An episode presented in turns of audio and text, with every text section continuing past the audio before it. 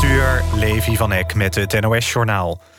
De evacuatievlucht uit China vanwege het coronavirus... is na een stop in Zuid-Frankrijk onderweg naar België.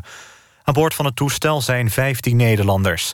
Zij zullen vanuit Brussel per bus naar vliegbasis Eindhoven worden gebracht... waar ze vanavond laat aankomen. Alle passagiers zullen onderzocht worden op ziekteverschijnselen... en moeten uit voorzorg twee weken in quarantaine... De evacuatievlucht vertrok afgelopen nacht uit de Chinese stad Wuhan... met 250 mensen aan boord uit verschillende Europese landen. Het lichaam dat vanmorgen werd gevonden in een uitgebrande auto... op een industrieterrein in Ravenstein is van een man van 43. Hij komt uit het Brabantse dorp Overlangel. Volgens de politie is er sprake van een noodlottig ongeval. De auto was op een geparkeerde vrachtwagen gebotst. In de vrachtwagen zat niemand. In Londen heeft een man vanmiddag meerdere mensen neergestoken. Daarbij zijn drie mensen gewond geraakt, van wie één in levensgevaar is. De politie beschouwt de aanval als terrorisme. Agenten hebben de aanvaller neergeschoten... en de man is aan zijn verwondingen overleden. De aanval was rond twee uur in de wijk Streatham in het zuiden van Londen. Eind november stak een man op London Bridge... in het centrum van de Britse hoofdstad twee mensen dood. Ajax heeft de topper tegen PSV met 1-0 gewonnen. De enige goal van de wedstrijd kwam voor rust van Quincy Promes... die later het veld verliet omdat hij last had van zijn hamstring. Ook Veldman en Babel moesten met blessures aan naar de kant. Door de overwinning van Ajax is de voorsprong op AZ weer drie punten. Andere uitslagen in de Eredivisie. VVV Venlo, FC Utrecht werd een gelijkspel, 1-1. Fortuna Sittard, Heerenveen eindigde in 2-1... en Willem II won met 1-0 van Heracles. Het weer vanavond in de noordoostelijke helft van het land regen of motregen. Vannacht blijft het vrijwel overal droog en daalt de temperatuur naar een graad of 8. Morgen in de ochtend nog kans op een bui. Verder schijnt af en toe de zon en het wordt dan zo'n 10 graden. Dit was het NOS Journaal. Zelf nieuwe kozijnen bestellen? Creon staat voor je klaar. Met de scherpste prijs en levering aan huis. Creon met een C. Creon Voor het eerst dineren met dit als achtergrondkoor. Elke reis zit weer vol eerste keren. Dus blijf ontdekken met de meer dan 2000 reizen van Kras. We beloven de beste prijs en omruilen is geen probleem. Kijk op kras.nl. Naast Creon Kozijnen zijn er ook... Creon. Hey kampeerder, wil je met mij op vakantie? Samen Europa verkennen van de Noordkaap tot aan Athene? En als we dan een schitterende kampeerplek gevonden hebben... staan we ook binnen vijf minuten. Snel en efficiënt. En na een paar dagen reizen we zo weer verder. Maak je dromen waar en beleef met mij al je kampeeravonturen. Het echte kamperen begint bij kip. Kijk op kipkamperen.nl en bezoek de Kip Kampeerstoer. Bij iWish vind je voor elk moment de perfecte bril. Voor achter je beeldscherm of voor in je vrije tijd. Daarom krijg je nu twee brillen voor de prijs van één. Kies uit al onze topmerken. iWish. Laat je zien. Het echte kamperen begint bij kip. Kijk op kipkamperen.nl. Wil jij gemiddeld 300 euro besparen op je energierekening? Met de collectieve inkoop energie van Vereniging Eigen Huis... krijg je samen de beste deal. Ja, super. Dus doe ook mee en zeg straks ja op jouw persoonlijke aanbod. Ja. Of nee natuurlijk, want zo vrijblijvend is het. Schrijf je in op eigenhuis.nl. Vereniging Eigen Huis, sta sterker. Welkom op de jaarlijkse vakantievergadering. Welke vakantie willen we? Ja, mij lijkt Oh, het heel erg van Werken vind ik belangrijk. Lekker eten. Dat kan makkelijker. Voorjaar, zomer, herfst of winter. Bij Primavera reizen kan het allemaal. Ontdek het aanbod scherp geprijsde vakanties nu op primaverareizen.nl. Iedereen kan meedoen met de collectieve inkoop energie. Je hebt nog vier dagen om je in te schrijven op eigenhuis.nl. Vereniging Eigen Huis, sta sterker. NPO Radio 1. NTR.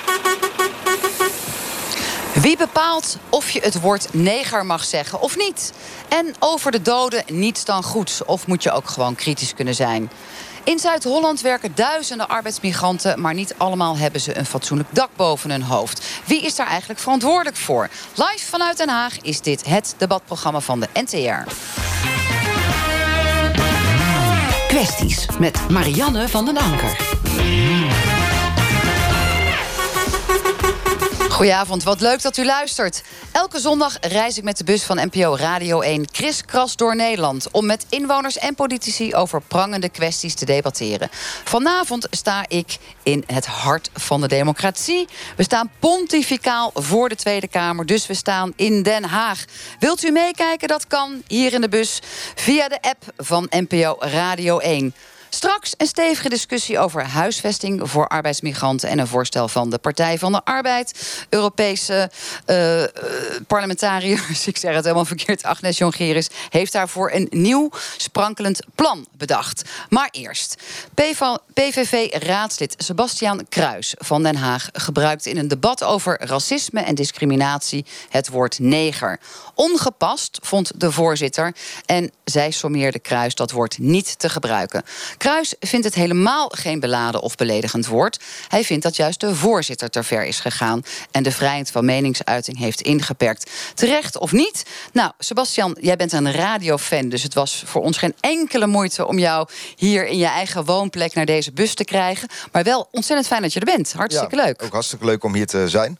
En ik moet wel even zeggen, het was een debat over veiligheid. En ik citeerde de, de korpschef van de Haagse politie, die zei: Het woord negroïde is inmiddels een beladen term. En ja. daarop sloeg ik aan en zei ik van nou, ik, ik, ik, ken heel veel negers. En zeg tegen een neger dat het geen neger is. En daar worden ze meestal ook niet heel blij van. Dus ja, ik, het was niet eens dat het daarover ging aanvankelijk. Alleen ik vond het heel raar dat ze het een beladen term vonden. Want ik was me daar volledig niet van bewust. Nee, en toen zei de commissievoorzitter, even voor de goede orde, dat werkt in de, uh, in de politiek van de gemeente zo dat dat ook een raadslid is. Hè. Dat was uh, mevrouw Wening van GroenLinks. Die zei: uh, Het is altijd hè, een beetje discutabel wat je mag zeggen vanuit de politieke positie. Het is nooit zwart-wit, maar dit is echt te ver. U gaat over de lijn heen. Ja, dat was nadat ten eerste mensen huilend van de tribune afliepen. En toen heeft zij die mensen tijdens een schorsing beloofd dat het woord niet meer gezegd zou worden. En toen heeft daarna de burgemeester een brief geschreven aan de raad. Waarin hij uh, zei dat we moeten gaan praten over de omgangsvormen. En dat we uh, dat we teksten die mogelijk beledigend kunnen worden ervaren door bepaalde groepen in de stad, dat die worden geschrapt uit de handelingen. En daarom heb ik gezegd, ik ga niet naar die raadsconferentie om daarover te praten. Want ik denk de vrijheid van meningsuiting, zeker in een politiek debat, moet absoluut zijn. En ja, ik vind sommige dingen ook niet leuk om te horen, maar dat is wel het debat. En als iemand mij iets zegt wat ik niet leuk vind, heb ik daar maar mee te dealen. Dat is het debat. Sebastian Kruis, prachtig toegelicht. Ik citeer nog even uit de brief die uh, Remkes, burgemeester van Den Haag, heeft gestuurd. Waarbij inderdaad uh, letterlijk geciteerd kan worden: raadsleden mogen zich moeten zich onthouden van uitlatingen richting groepen burgers waarvan aannemelijk is dat zij die als beledigend ervaren. Daarmee doelde hij op het woord neger en negroïde. Wat is je eigen achtergrond? Uit Colombia. Dus ja, ik ben ook niet blank, zeg maar. En ik heb zelf ook uh, familieleden die, zich, zichzelf neger noemen.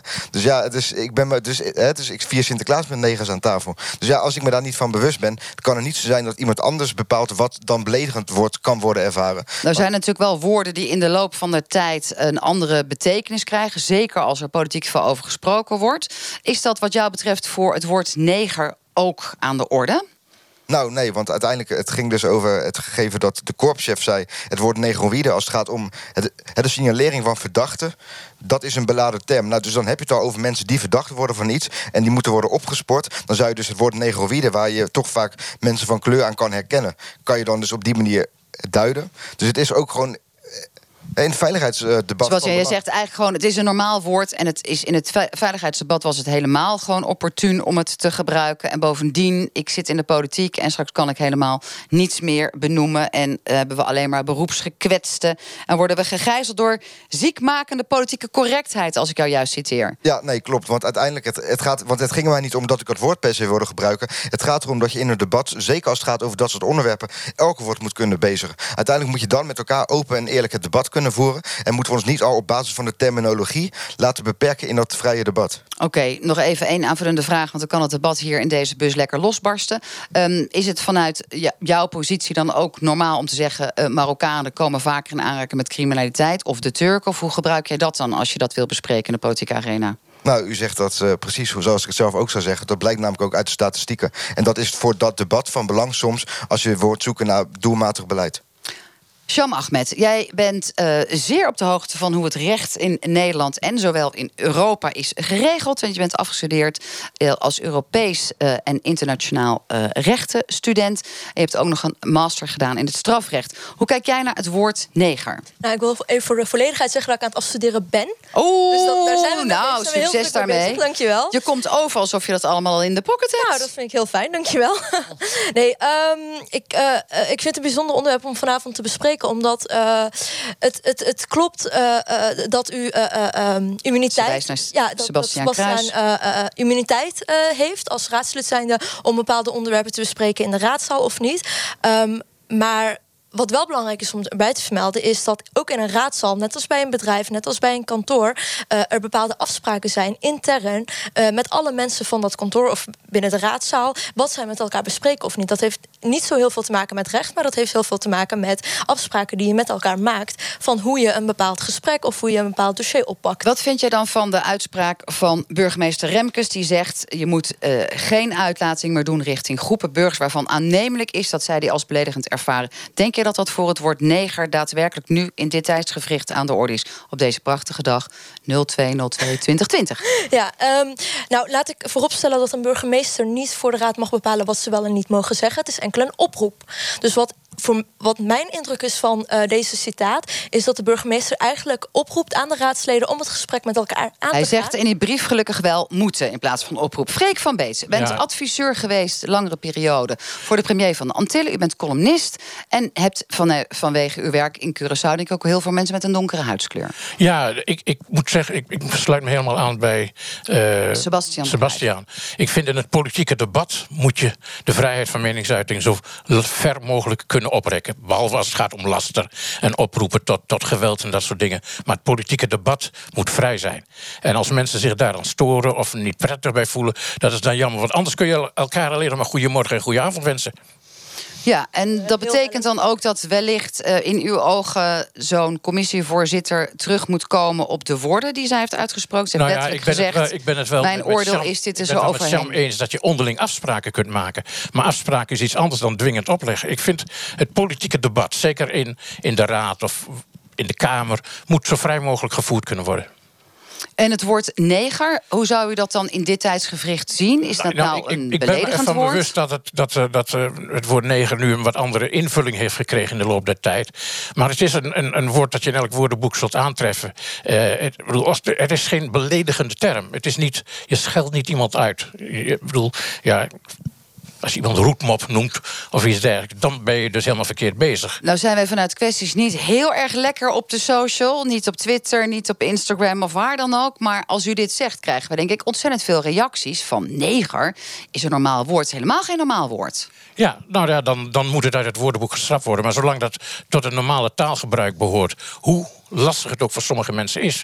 We hebben ook tegen Duitsers heel lang het woord mof gebruikt. Dat zullen de Duitsers ook niet altijd leuk hebben gevonden. Maar toch is dat ook een stukje normaal taalgebruik geweest.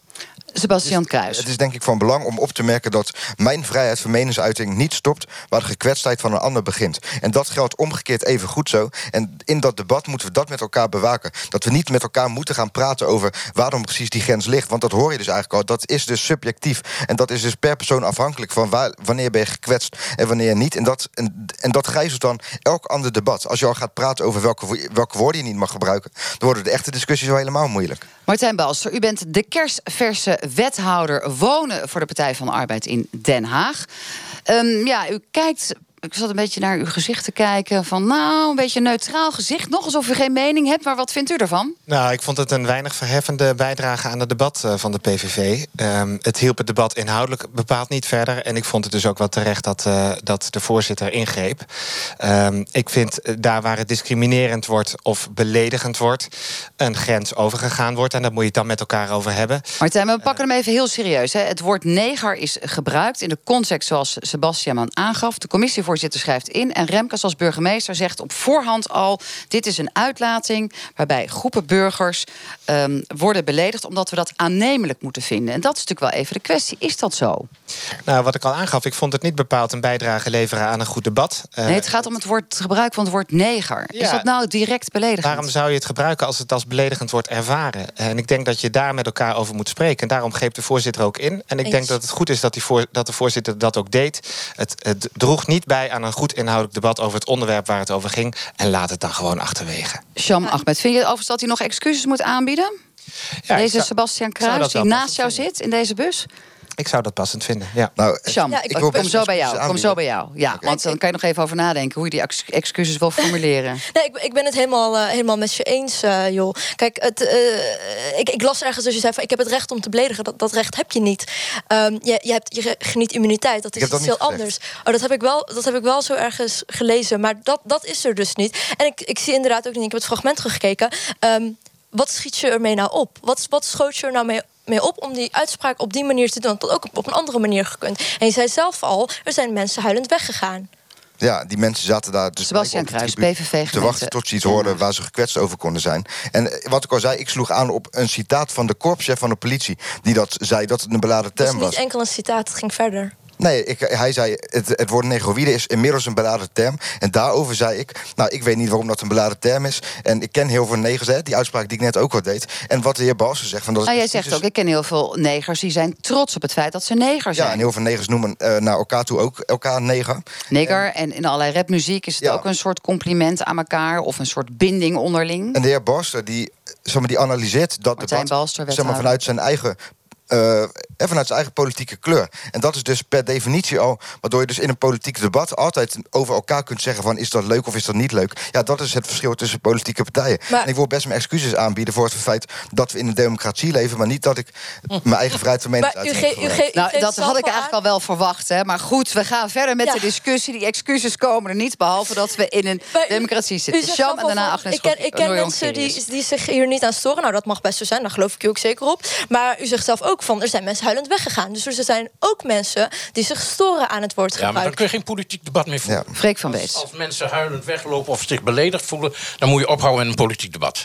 Poli- politiek gaat over tegenstellingen. Je moet elkaar ook de waarheid kunnen zeggen. Ook al klinkt dat soms heel vervelend, maar zolang je niemand niet met de dood bedreigt of laster of lastelijk bejegent, moet het in een politiek debat kunnen, vind ik. Ziet u, want u bent de oudste hier in de bus, Freek van Bees... een trend dat we met z'n allen krampachtiger worden... en dat Absoluut, iedereen zich absoluut. bij elk woord Ja. wel ergens een keer beledigd kan voelen? Ja, kijk, ik ben op. op- ik, ik, ja, u, refereerde zelf even aan mijn. eh, de jaren die ik op Curaçao doorbracht als adviseur van de minister-president. Eh, een van mijn minister-presidenten, ik heb er drie mogen dienen. die was, eh, laat ik zeggen, zeer donker. En ik was zijn blanke adviseur. En er werden vaak heel vervelende opmerkingen over gemaakt in mijn richting. Maar ja, dat, ik heb dat geaccepteerd. Dat hoort erbij. En dat was dan? Makamba. Ja, ja. En dat vindt u ook in principe niet beledigend? Het is wel beledigend, maar het hoorde bij mijn functie. Ja. Agnes Jongerius, ehm, spelen dit soort dingen ook in het parlement van de Europese Unie... waar u nu deel van uitmaakt? Ik zou bijna zeggen, ik zou willen dat dat zou eh, gebeuren. Want eh, eigenlijk is het een vrij blank eh, parlement. Hè, eh, van de 750 eh, mensen. Eh, nou, we hadden een Britse collega die uit Ghana kwam. En die dus afgelopen vrijdag zijn spullen heeft moeten, Ja. moeten pakken. Maar het gaat nog over de representativiteit. Het gaat over de, representativiteit en de inclusiviteit. Nou, dat- daar heeft het wel ook mee te maken. Kijk, zoals ik er tegenaan kijk. Los van zeg maar, eh, of je nou de bedoeling hebt om eh, iemand te beledigen of niet. Eh, volgens mij is het belangrijk als je een goed gesprek wilt hebben in de politiek. Want daar gaat het toch uiteindelijk over. Niet alleen om de boel op scherp te zetten, maar ook om te kijken of je bruggen kan bouwen. Waarom zou je dan iemand beledigen?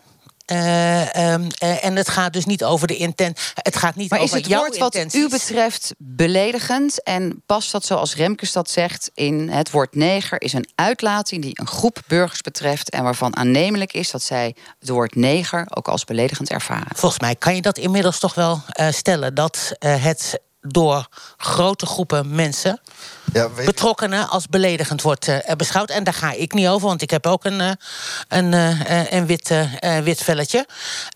maar als mensen het als beledigend beschouwen, waarom zou je dan, als je toch een gesprek wilt hebben met elkaar, als je in de politieke arena ook problemen niet alleen wilt benoemen, maar oplossen.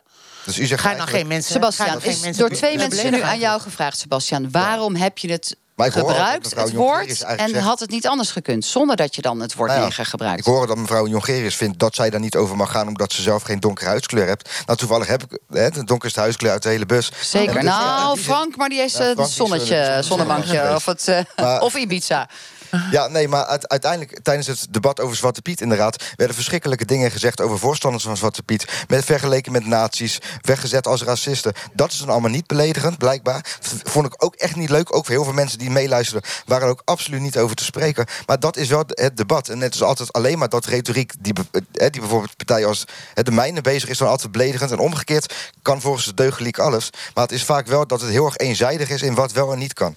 Martijn Balser, herken je dat? Want jullie zijn natuurlijk een gemeenteraad waar de PVV groot in is. Dus heb je oud en ook nog mensen vanuit eh, de islam met een aantal zetels daarin. Dat men inderdaad over en weer bezig is om elkaar te pakken op racist. En u bent aan het discrimineren, waardoor je niet meer toekomt aan het bespreken van de echte pijn. Nou, er is wel een enorme verharding gaande. En daar, uh, daar doet mijn buurman ook echt bewust Sebastian aan Kruis, mee. PVV, en ik vind, ik bedoel, gelijke monniken, gelijke kappen. Als het, of het links gebeurt, rechts gebeurt, door Pietje of door Klaasje. Uh, ik vind belediging gaat te ver. En zeker als het racistisch wordt. En dan hoort een voorzitter voor de ordentelijkheid van het debat in te grijpen. Omdat dat debat er uiteindelijk over gaat dat je met elkaar tot besluitvorming komt. En die, dat doel moet gediend worden. En daar hoort belediging niet bij. Oké, okay, Sebastiaan Kruis, daar hoort belediging niet bij. Toch zeg jij ook, wij worden heel vaak van het PVV ook, ook direct uitgemaakt voor racist en uh, dat we discriminerend zijn. Doen jullie daar echt niet moeilijk over? Of gebruiken jullie dat ook in de politieke retoriek? Nee, ik doe daar echt totaal niet moeilijk over. En uiteindelijk is het wel iets wat in een debat wordt gezegd over een inhoudelijk onderwerp. Dus het feit dat we hier nu alleen maar weer over de woorden aan het praten zijn, dat laat wel zien dat heel veel debat gewoon niet meer wordt gevoerd in Nederland. En, ja, dat, en wat de heer Bassen zegt, is precies de reden waarom ik niet naar die conferentie ben gegaan. Omdat ik daar met veertien andere linkse partijen zit te praten over wat zij allemaal beledigend vinden. En ja, dan sta ik daar met twee zetels toch niet. Uh, zeg maar, in, ja, in de meerderheid. En ik ga daar geen afspraak over maken. Ik onderhandel niet over de vrijheid van meningsuiting.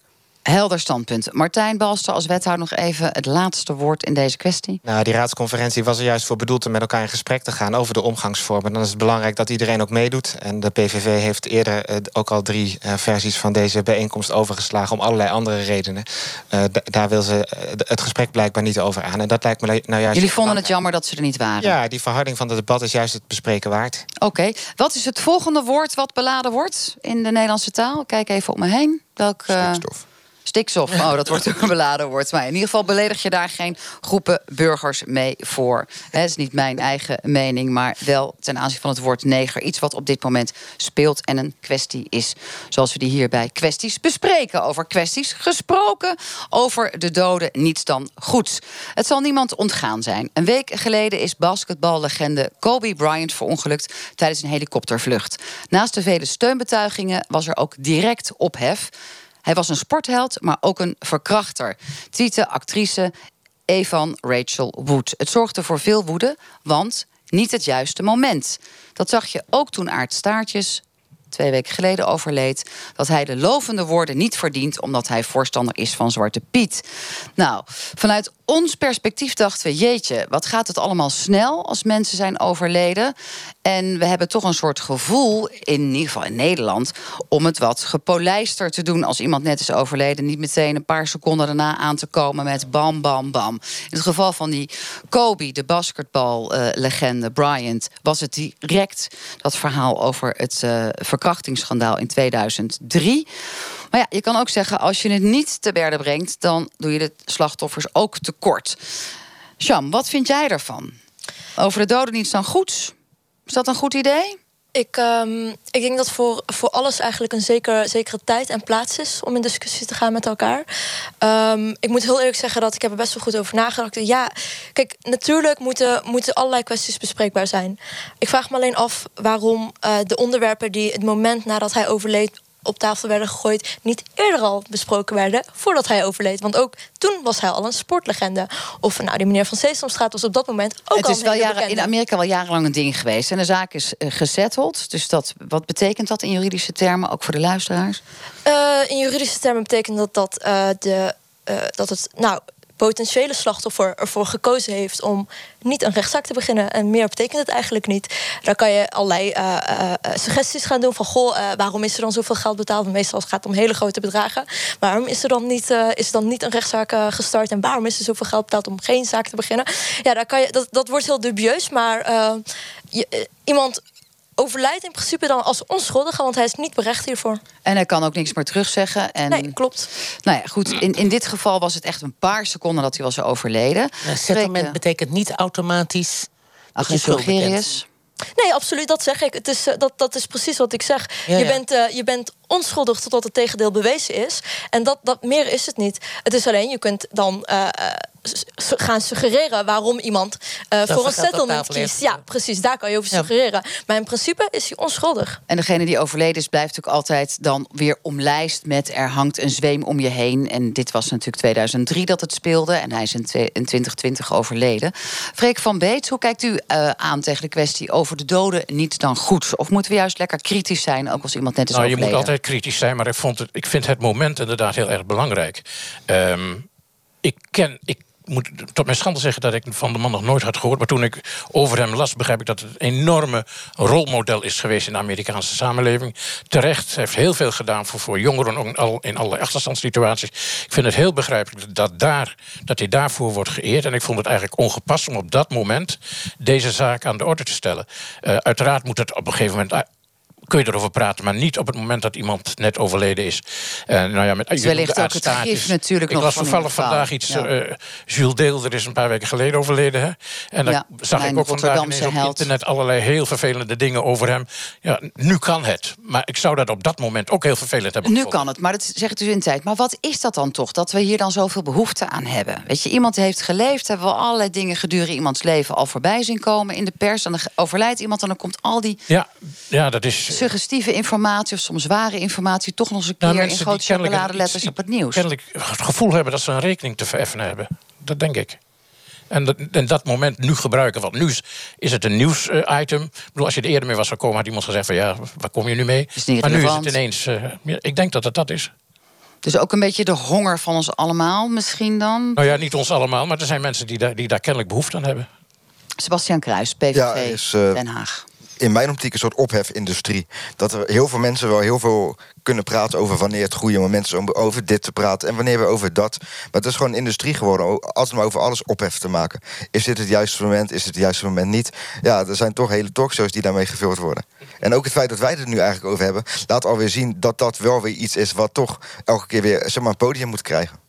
Ja, maar is dat dan onderdeel van een cultuurverandering? Ik kan me herinneren uit, uit mijn tijd, um, zeker hoe mijn ouders dan spraken over mensen die dan waren overleden, dan was het heel gebruikelijk om alles wat er in dat verleden van die persoon aan negativiteit gebeurd was, echt weg te moffelen. Want het was echt zo over de doden niets dan goed.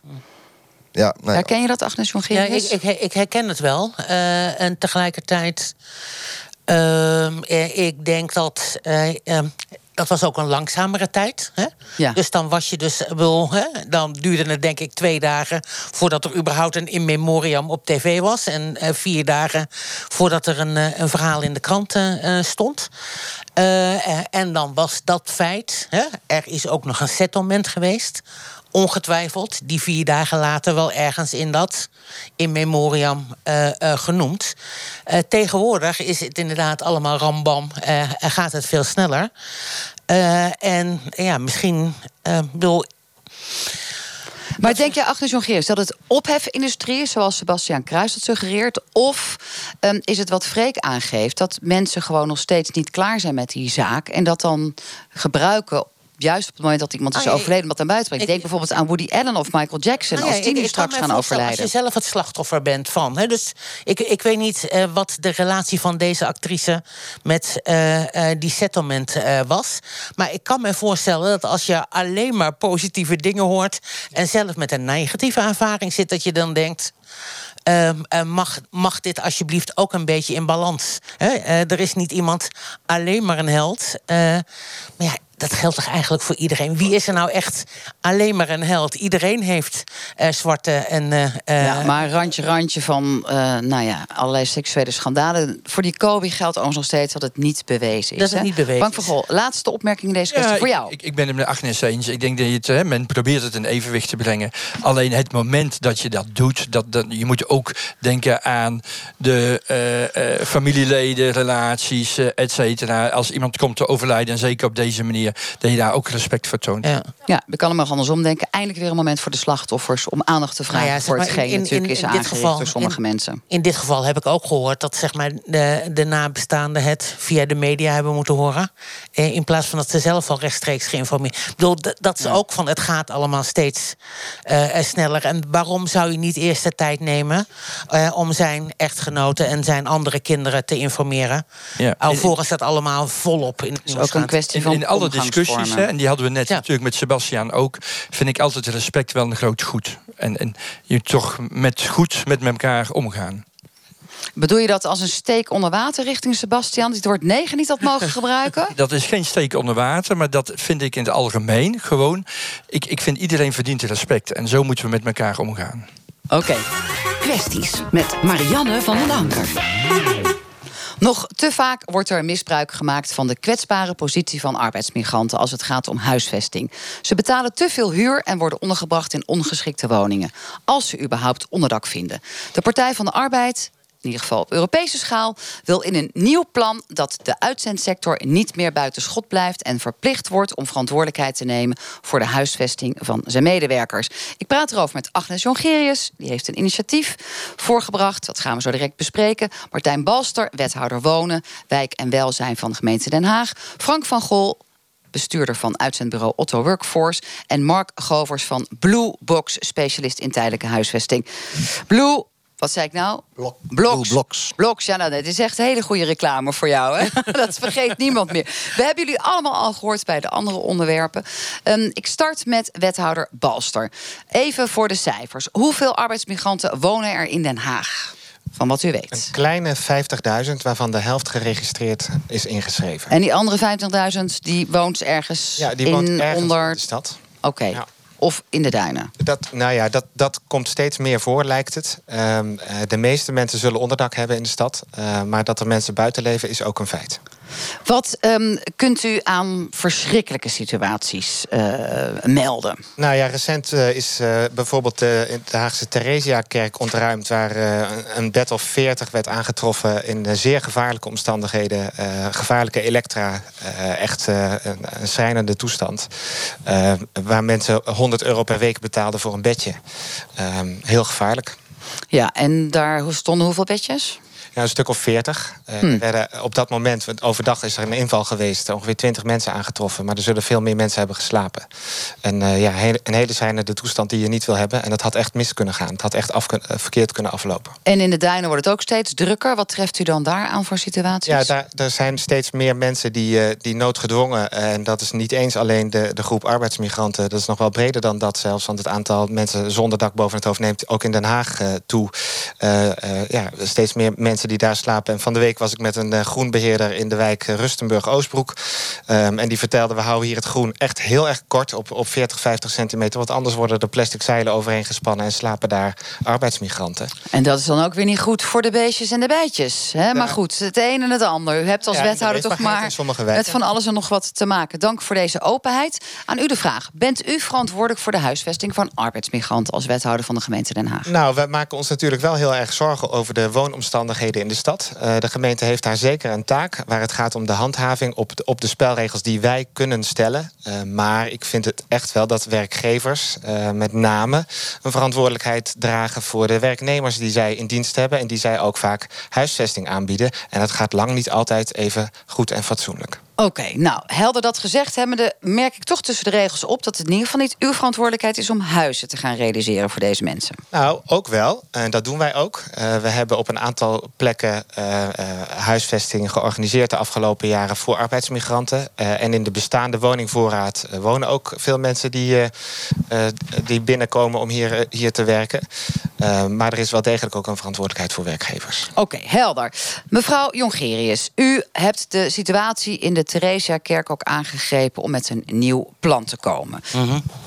In concreto, wat gaat er gebeuren als het aan u ligt? Um, dat. Het is, dit is inderdaad schijnend. Uh, er zijn meer schijnende situaties. Uh, uh, als je um, bijvoorbeeld. Ik heb niet zo heel lang geleden gesproken met Spaanse uh, arbeidsmigranten. Uh, die inderdaad uh, van het uitzendbureau huisvesting hadden gekregen. Hun baan kwijtgeraakt waren. En dan vervolgens honderden kilometers van huis. zonder geld, zonder woonplek zitten. volgens mij hebben jullie zelf ook al een keer aandacht besteed aan dat vakantiepark in Beuningen, de Groene Klopt. Heuvels, waar uh, nu de gemeente zegt, uh, hier mag geen permanente bewoning meer uh, plaatsvinden. Daar zitten gewoon ook Nederlandse gezinnen, maar ook een hele groot deel van dat park wordt afgehuurd door arbeidsmigranten. en we treffen te vaak aan dat mensen dus niet alleen van het uitzendbureau afhankelijk zijn voor het werk. Maar ook uh, voor de huisvesting.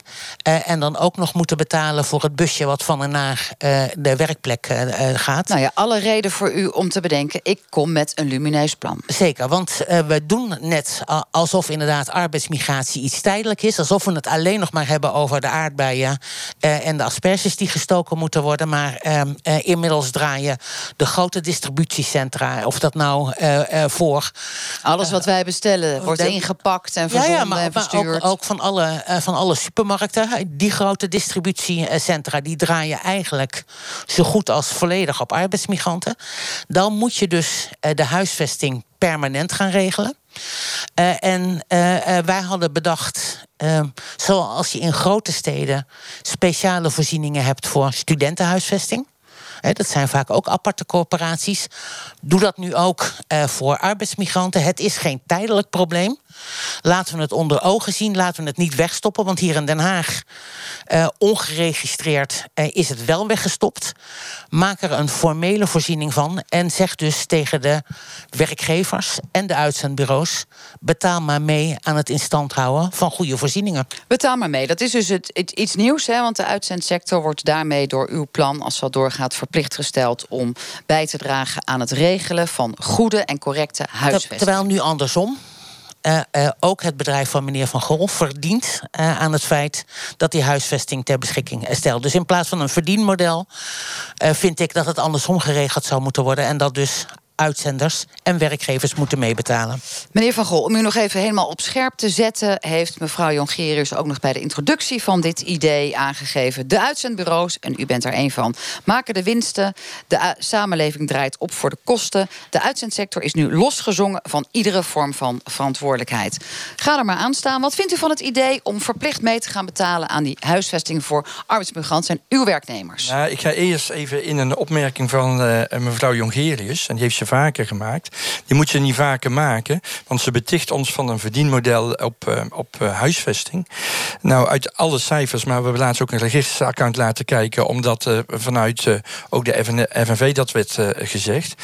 En er kwam ook duidelijk uit dat er werd op, geld op werd verloren. Dus het is geen verdienmodel, maar het is een. Waar werd geld op verloren? Op de huisvesting? Want ik kan me niet voor, ik heb even de cijfers gekeken van Otto Workforce. U staat er niet slecht voor met uw commerciële nee, dat klopt ook. En dat is ook goed, want we betalen de mensen netjes. We zorgen voor goede huisvesting. En, je kan en dat brengen we in rekening, dat brengen we in rekening bij onze klanten. Dus dat is ook goed geregeld. Um, wat we op dit moment zien, en dat mag ook gezegd worden, er gaat ook heel veel goed. Nee, eerst even dit plan, want daar gaan we het concreet over hebben. U gaat meebetalen aan de huisvesting. Dat is een novum en dat is een nieuw idee om deze problemen die er zijn, zowel in Den Haag, maar ook in de rest van Nederland, beter op te lossen. Ik vind dat het een goed idee is dat er eh, veel meer aandacht komt voor uh, huisvesting van arbeidsmigranten. Dat de gemeentes daaraan mee gaan werken.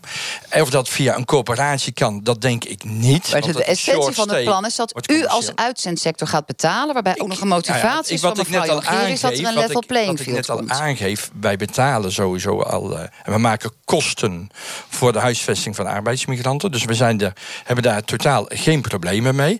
Alleen waar het. eh, Wat is uw verantwoordelijkheid dan? Op uw website staat een prachtige tekst. hè, Als je hier aankomt, nou, bij Otto hebben we, kunt u voor langere tijd gebruik maken van een van onze vele woonlocaties. Er staat wel bij dat het ook allemaal al gecertificeerd is, dat u dit zonder winstoogmerk wil regelen. Dus dat is dan prima. Sterker nog, het wordt georganiseerd zonder winstoogmerk. Maar wat is uw verantwoordelijkheid dan? Wij zorgen, als, wij vinden als we mensen uit het buitenland halen... en dat we arbeidsmigranten nodig hebben, dat is verder geen discussie.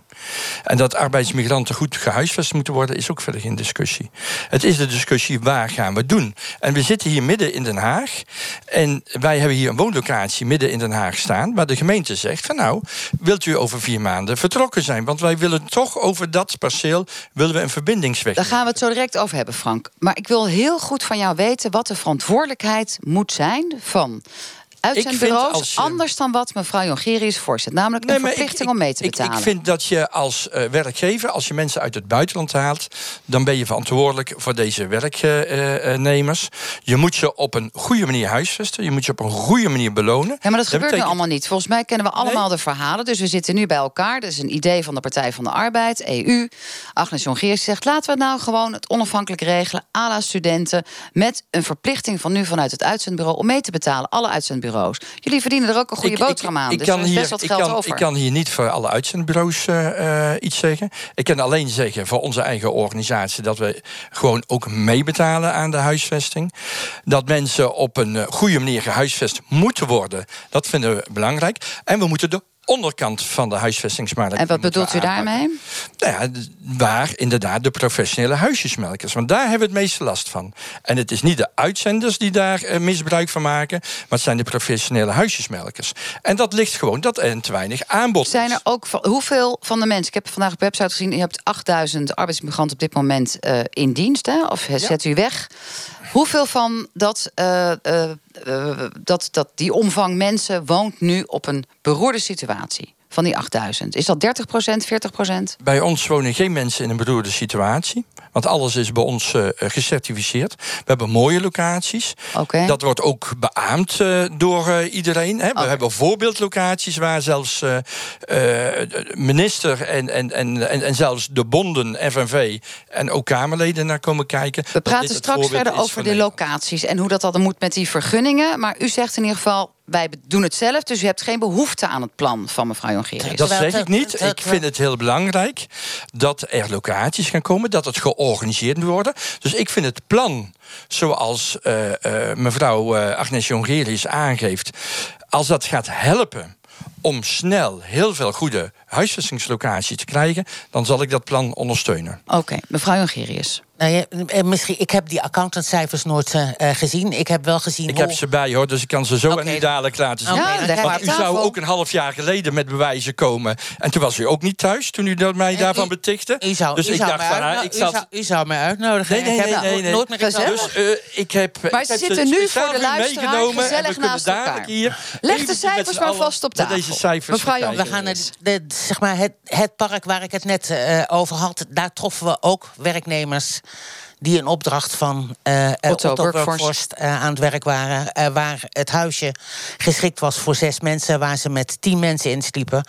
En waar ze in sommige gevallen ook met tentjes in de tuin moesten eh, slapen. Ik, eh, ik zou, Dat- ik dat- zou u echt heel aanraden om dit. Als u dat hard wilt maken, dan verwacht ik u dat u dat ook echt nu hard gaat maken. En als het Ik- niet ik- zo is, ik heb de mensen dan wil ik u vragen. Ik- ja, ik nee, maar het gaat erover of dat u het hard maakt. Het gaat over fact-checking en niet over wat, iets wat gezegd is. Want ik kan u garanderen dat het niet zo is. Dus ik, ik heb Frank geen van Gol, we- zin om beticht te worden van Ik onwaarheden. begrijp dat u zegt, ik word anders hier in deze uitzending van kwesties live vals beschuldigd. Maar mevrouw Jongerius heeft ook gezien wat ze heeft gezien. Wat hebt u gezien? Ik heb, eh, heb daar dus gezien mensen die werkten eh, eh, in de distributiecentra, die gehuisvest werden eh, op dat vakantiepark, wat binnenkort op last van de burgemeester gesloten moest worden. En die zeiden: wij zitten hier met meer mensen dan eigenlijk mogelijk. En ze betalen wel allemaal. En dat Eh, ze, had dat ook een dus u relatie hebt met het niet zelf gezien.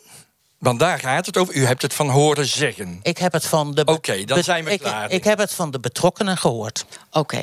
En u zegt hier, en dat moet een ander dan maar, hè, die handhaaft of in de journalistiek zit vaststellen. U zegt, ik durf mijn handen voor al die 8000 werknemers die via Otto Workforce aan het werk zijn wonen, allemaal correct. Ja. Oké. Nou, dat gezegd hebbende, wie weet luisteren er nog journalisten Je of weet maar anderszins. nooit. Je weet maar nooit. Of undercover types. Mark Govers van Blue Blocks. U hebt natuurlijk met al die locaties waarop u tijdelijke woningbouw zet... ook goed zicht op wat de behoefte is en wat er misgaat. Wat gaat er mis op dit moment? En wat vindt u van het plan van mevrouw Jongerius... dat uitzendbureaus verplicht gaan meebetalen aan de huisvesting? Eh, ik moet zeggen dat ik eh, als eerste zeg... ik denk dat iedereen kan beamen... dat excessen moet je voorkomen.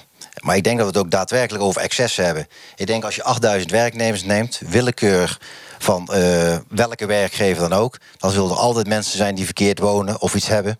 Als je 8000 mensen uit Den Haag pakt, is er altijd een probleem. Waar ik zelf tegenaan loop op dit moment... eh, en ik zit bij 15 gemeenten aan tafel voor 22 projecten... is dat eh, de gemeenten heel terughoudend zijn in hun regelgeving. En daar zit volgens mij het grote probleem. Die 50.000 arbeidsmigranten die hier in Den Haag wonen... ik denk niet dat ze allemaal in Den Haag werken. Ik denk dat er heel veel in het Westland Veel werken. zitten er in het Westland. Ja, Eh, en op al die logistieke Misschien zelfs de Rotterdamse haven. distributiecentra. Maar daar kunnen ze geen plek krijgen, omdat die gemeentes eh, proberen eh, nou, tegen te houden, zeg ik misschien verkeerd, maar in ieder geval terughoudend zijn in hun regelgeving. En ik denk als daar eh, landelijk iets aan gedaan wordt, dat die regelgeving verbeterd wordt, dat het hele plan van mevrouw Jongerius niet nodig is. Want je kunt mensen niet meer slecht behandelen tegenwoordig, dan gaan ze weg. Dus dat hele, dat hele plan is no- niet noodzakelijk. Maar hoezo, je kunt mensen niet slecht behandelen, gaan ze weg? Wat gaan ze dan doen, deze Dan arbeidsmigranten? gaan ze naar eh, Engeland, of nou, eh, wordt binnenkort niet meer mogelijk. Maar dat kan nee, tot qua 1 januari. brexit technisch misschien nog een Tot dingetje. 1 januari kan het nog. Eh, ze kunnen naar België of naar Duitsland. Er is werk genoeg voor deze mensen. Dus die, die moet je goed behandelen. En je wil ze ook goed behandelen. Want als je goede mensen goed behandelt, dan blijven ze. Het plan van Agnes Jongerius, daarvan zegt u dat is overbodig. Ik heb wat anders nodig. Maar stel nou dat dat niet lukt, is dat dan een goede fallback optie om uitzendbureaus meer verantwoordelijkheid te laten nemen voor de huisvesting van arbeidsmigranten? Dat doen ze al. Jij onderstreept dat Frank zegt. Ehm, dan is ik er jouw. nog- Dan ken ik er nog een paar. Dan gaan we zo direct, Agnes, daar verder over praten. Oké. Want dan gaan we eerst even naar de wethouder. Want kennelijk, zeg jij, Mark, het ligt veel meer aan de vergunningen en de locaties die gemeente ter beschikking stelt. En dat is ook jouw verhaal, Frank van Gogh. Ja, ik wil er zeker Hebben jullie even samen lekker gebeld nog van tevoren? Nee, nee, nee, totaal. Het is de eerste keer dat we met elkaar kennis maken. En ik denk dat we zeker wel ge- ge- gezamenlijke belangen hebben. Maar ik heb het hier in Den Haag zelf, maak ik het mee... dat we een locatie hebben voor 190 mensen... die op last van de gemeente dadelijk weg moet omdat een verbindingsweg aangelegd moet worden, die denk ik niet zo noodzakelijk is, maar dat vindt de gemeente belangrijker dan 190 mensen op een goede manier te huisvesten. Maar dan vraag je de gemeente: kunnen we deze locatie verplaatsen naar een eh, eh, ander stuk in de gemeente Den Haag? En dan is men gewoon niet thuis. Er is geen postzegel, dus dat geen is 5000 ten aanzien van meter. deze specifieke kaas van de 190 mensen. Mark, u hebt een wat bredere oproep aan de gemeente ehm, en daarmee aan wethouders. En er zit er eentje van onder in onze bus. Wat is die oproep? Eh, help mee met de juiste regelgeving. Ehm, dat gebeurt bij veel gemeenten ook wel, maar niet door alle politieke partijen. Eh, ik zit van de week ook bij het Westland, de gemeente Westland, eh, drie keer helaas. omdat ze drie verschillende vergaderingen hebben. Ja, ja, en bij ons wilden ze ook niet meedoen. Vanavond allemaal ingewikkeld. We hebben het wel gevraagd aan ze natuurlijk. Ehm, maar omdat ik dat heel breed tegenkom in heel Nederland, zou ik juist willen zeggen: ga veel meer samenwerken. Kijk niet naar wat niet kan, maar kijk juist naar wat wel kan. Oké, maar de juiste regelgeving kan dat iets concreter? Moeten de vergunningen worden vrijgegeven? Wat De juiste dan? regelgeving is er. Oké. Nou ja, het het is een beetje vage overstap naar jou, Martijn Balster. Maar er ligt dus kennelijk iets op jullie bordje als het gaat om nou, de behoeften waar Mark over spreekt en die Frank van Gol van Otto Workforce aangeeft. Ja, we zouden bijna gaan, gaan denken dat er, dat er niets aan de hand is. Maar als wij alleen al kijken in onze ondermijningsbeelden... waar we de, de meeste vormen van criminaliteit zien, zien, zien verschijnen... dan is by, by far in opkomst de uitzendbranche... en de huisvesting van arbeidsmigranten... en uitbuiting die daar plaatsvindt. Dus daar is nogal wat aan de hand. En dat zien we aan de lijve. Dat Maak het, mag even, gemaakt- sorry dat ik je Ja. onderbreek, maar wil je het specifiek maken? Is dat in lijn van wat Frank zegt? We hebben een bovenkant in die uitzendbranche. En dat zijn wij, we zijn allemaal gecertificeerd. En wij zijn de brave Hendrikken. En er is een onderkant. En die onderkant is erg. Nou, ongetwijfeld zijn er verschillen en zijn er ook werkgevers die het, die die het netjes organiseren. En daar kan ik in dit geval ook niet echt een heel goed oordeel over geven. Maar wij komen nogal wat misstanden tegen. Dus er moet echt veel meer gebeuren om fatsoenlijke huisvesting Maar ook misstanden bij al die uitzendbureaus die zeggen... wij doen het allemaal zo netjes, netjes, netjes. Er zijn ontzettend veel uitzendbureaus actief. Die schakelen ook heel vaak weer huisjesmelkers of huisvesters in. eh, die het lang niet altijd goed doen. Dan zien wij steeds meer misstanden. Er zullen eh, afspraken gemaakt moeten worden. Maar het komt er uiteindelijk ook op neer dat werkgevers een financiële verantwoordelijkheid leveren. om die huisvesting fatsoenlijk te, te krijgen. en daar ook, daar ook afrekenbaar op zijn. En Martijn, wat zie jij dan voor je? Want we hebben eigenlijk twee modellen. Dus de uitzendbureaus die flink wat geld kunnen verdienen... aan al die mensen die zij bij werkgevers neerzetten gaan meebetalen. Of, dat zie je ook wel in een aantal plekken gebeuren... dat de werkgevers op hun eigen terrein, distributieterreinen of boeren... huisvesting regelen. Zijn dat de twee modellen of heb je ook nog andere smaken? Ik vind dat, vind dat allebei goede modellen. Eh, en het, het, het mooie van het voorstel van mevrouw Jongerius is dat je ook echt de prijs en de kwaliteit van die huisvesting kan toetsen. En dat het niet zoals het nu het geval is, er soms 100 euro per week wordt ingehouden op het minimumloon van arbeidsmigranten die al niet al te veel salaris krijgen. Dat zijn zaken die we eigenlijk niet meer met elkaar moeten accepteren. En de certificering is Agnes niet nog vrijwillig. Hè? Eh, dus het zijn eh, uitzendbureaus die zeggen... wij houden ons vrijwillig aan de certificering. Wij regelen in Nederland het huisvesten van arbeidsmigranten... alsof het gaat eh, over eh, drie... eh, eh, drie SNF-keur is wel opgenomen in de CAO. Ja, in de CAO, maar de, zeg maar de, de controle daarop, die, mag- die, die vindt Ja. toch ook niet plaats. En we regelen het nog steeds alsof het gaat eh, over drie aardbeienboeren in, in, eh, in Venlo. Het is op grote schaal dat wij gebruik maken van arbeidsmigratie. Eh, en als dat op grote schaal gebeurt, dan hebben we ook op grote schaal de verantwoordelijkheid om het fatsoenlijk te gaan regelen. Eh, eh, en eh, dan moeten dus de uitzendbureaus hun verantwoordelijkheid nemen. Ik vind overigens ook dat de Jumbo's en de Albert Heijns en de et cetera ook hun verantwoordelijkheid eh, moeten nemen. Want hun distributiecentra draaien eh, op arbeidsmigratie. Betaal de prijs. Eh, betaal de prijs voor het fatsoenlijk behandelen van mensen AUB. Ik kan eh, mevrouw Jongerius in ieder geval blij maken. Want half jaar geleden hebben wij eh, aangegeven dat de SNF-certificering, de vrijwillige, die afgeschaft moest worden. En dat we daar een verplichte pandcertificering eh, van wilden hebben. Samen met de FNV en samen met de SNF hebben we dat georganiseerd. Dat het vanaf 2021 ingaat. We hadden natuurlijk liever 2020 gehad. Maar vanaf 2021 wordt elk pand gecertificeerd voor arbeidsmigranten. Daar ben ik heel blij mee. Voor de uitzendbureaus hebben wij gezegd... wij willen eigenlijk terug naar de uitzendvergunning. Inmiddels met een deposito, met een certificaat van vakbekwaamheid... en een verplichte SNA-certificering. En inmiddels is dat ook al aan het rollen... want wij willen van die onderkant van die markt. Oké, en betekent dat als dat lukt, dat ook Albert Heijns en Jumbo, zo noemen ze allemaal maar in één adem, die via de distributiekanalen toch gebruik maken van veel arbeidsmigranten, dan ook fatsoenlijker gaan betalen? Ik en beter dat- zich gaan nee, verantwoordelijk elk- elk voelen voor de eh, huisvesting? Elk eh, distributiecentrum of wa- wat dan ook, die betalen al conform de cao's. Het gemiddelde wat wij betalen aan onze mensen ligt eh, ruim 36% boven het WML. Dus het is maar 8% van de Het uitzendkracht. zijn wel heel veel cijfers. Maar Frank, Die op WML worden betaald. Jij, hebt, jij schittert een, een prachtig beeld van de uitzendbranche. Terwijl ook de wethouder aangeeft... er zijn echt wel problemen, forse problemen. Wat, eh, wat kunt u doen als we nog even terugkomen op de kwestie van Den Haag? Heeft er veel, maar ze werken niet in Den Haag. Moet dan ook niet veel meer ook met buurgemeenten zoals Westland deals worden gesloten? Ja, absoluut. Er zal in eh, regionaal verband eh, veel meer aan gedaan moeten worden. Eh, Den Haag heeft die oproep onlangs ook gedaan in het nieuwe coalitieakkoord... om samen met de regiogemeenten, waar mensen vaak werken... tot veel betere afspraken te komen. Maar dat zal dus en met, met de gemeenten moeten, moeten gaan. Maar die dragen niet alleen die verantwoordelijkheid. Dat zal dus ook echt nadrukkelijk met werkgevers... en de uitzendorganisaties moeten gebeuren.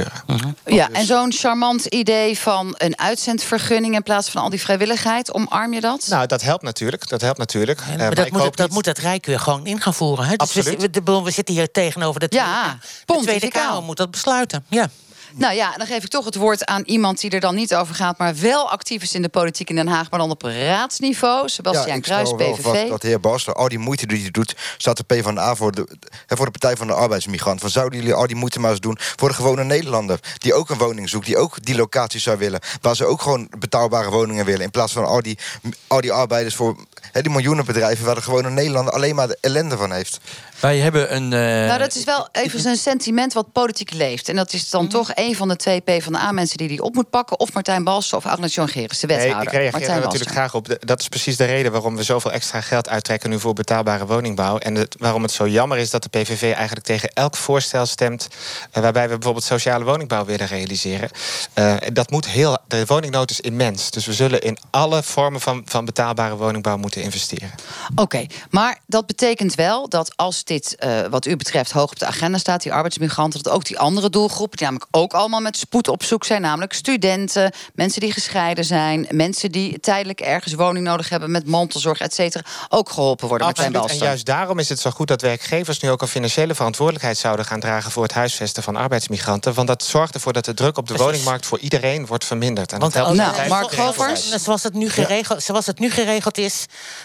profiteren de bedrijven en zit de gemeenschap eh, met de rekening.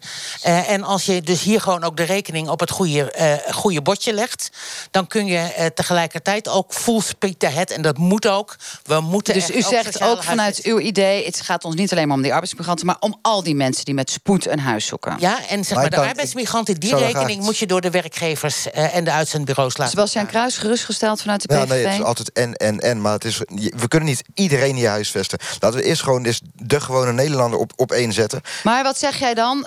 Moet deze wethouder vanuit de PVV betreft niet zich zorgen maken over arbeidsmigranten die in Den Haag wonen, Nou, gewoon lekker naar het Westland sturen? Ja, hij moet zich daar zeker zorgen over maken. Maar hij moet zich vooral niet gaan inzetten voor nieuwe bouwlocaties. Voor de huisvesting van arbeidsmigranten. Maar vooral voor huis, huizen voor de Nederlanders. Nou ja, daar heb jij wel ik- behoefte ik, aan, wil, Mark ik wil er Frank. graag, ik wil er graag op reageren, want dan snapt Sebastian het eh, verhaal niet helemaal.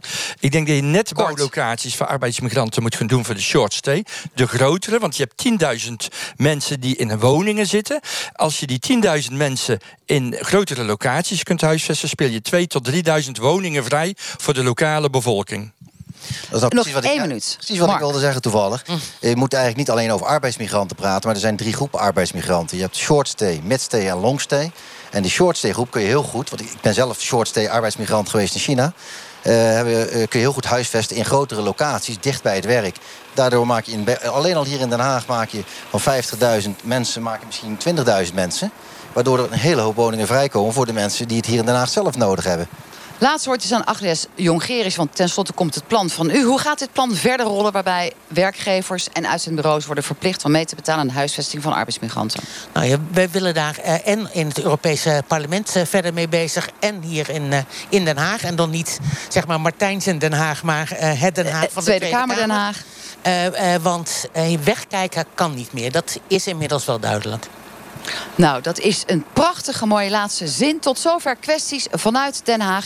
Dank jullie wel, alle betrokken burgers hier, politici, verantwoordelijken in deze bus van NPO Radio 1. Zo direct Radio Doc met daarin de eerste aflevering van de podcast De Man en de Maan over sterrenkundige Mark Kleinwold. Hij wil duizend antennes plaatsen op de achterkant van de maan. Een ongelooflijk fijne avond. Ja, jullie lachen erom. Maar het is misschien wel echt de waarheid die straks ook het woningprobleem gaat oplossen voor arbeidsmigranten. Direct na het nieuws en volgende week zijn wij er weer met kwesties. Altijd weer vanuit een andere locatie met andere kwesties.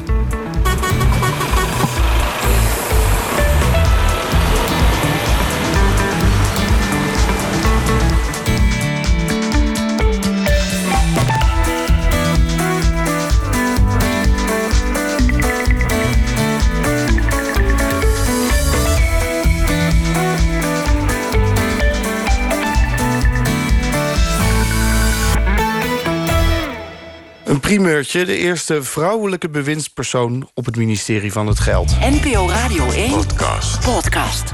Nu de EU echt afscheid neemt van die heerlijke Britten. Oh, het zijn zulke fijne Britten. Ja, De stemming van Vullings en Van der Wulp. die castrocratie.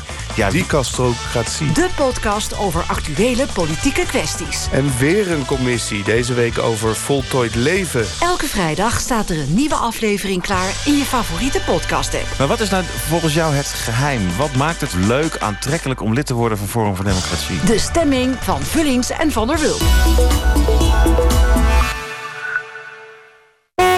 Hey kampeerder, wil je met mij op vakantie? Samen Europa verkennen van de Noordkaap tot aan Athene?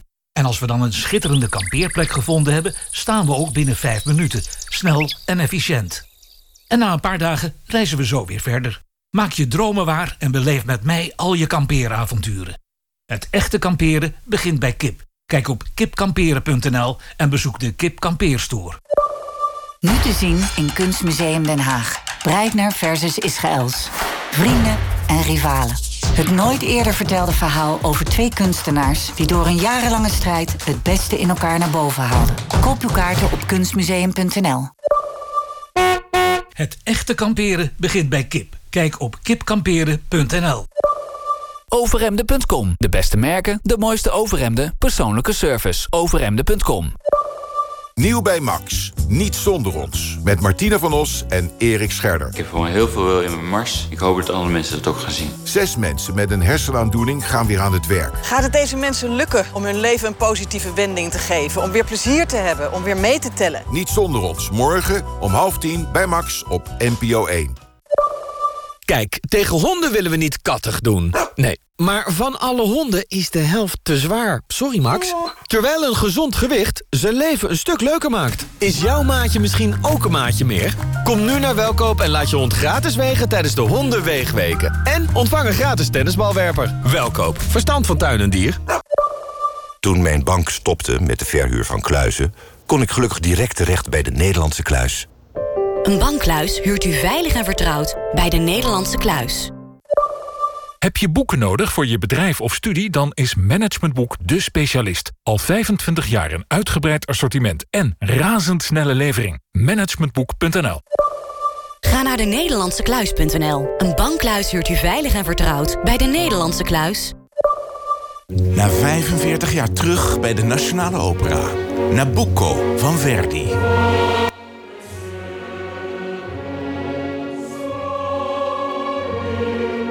Laatste kaarten via operaballet.nl NPO Radio 1.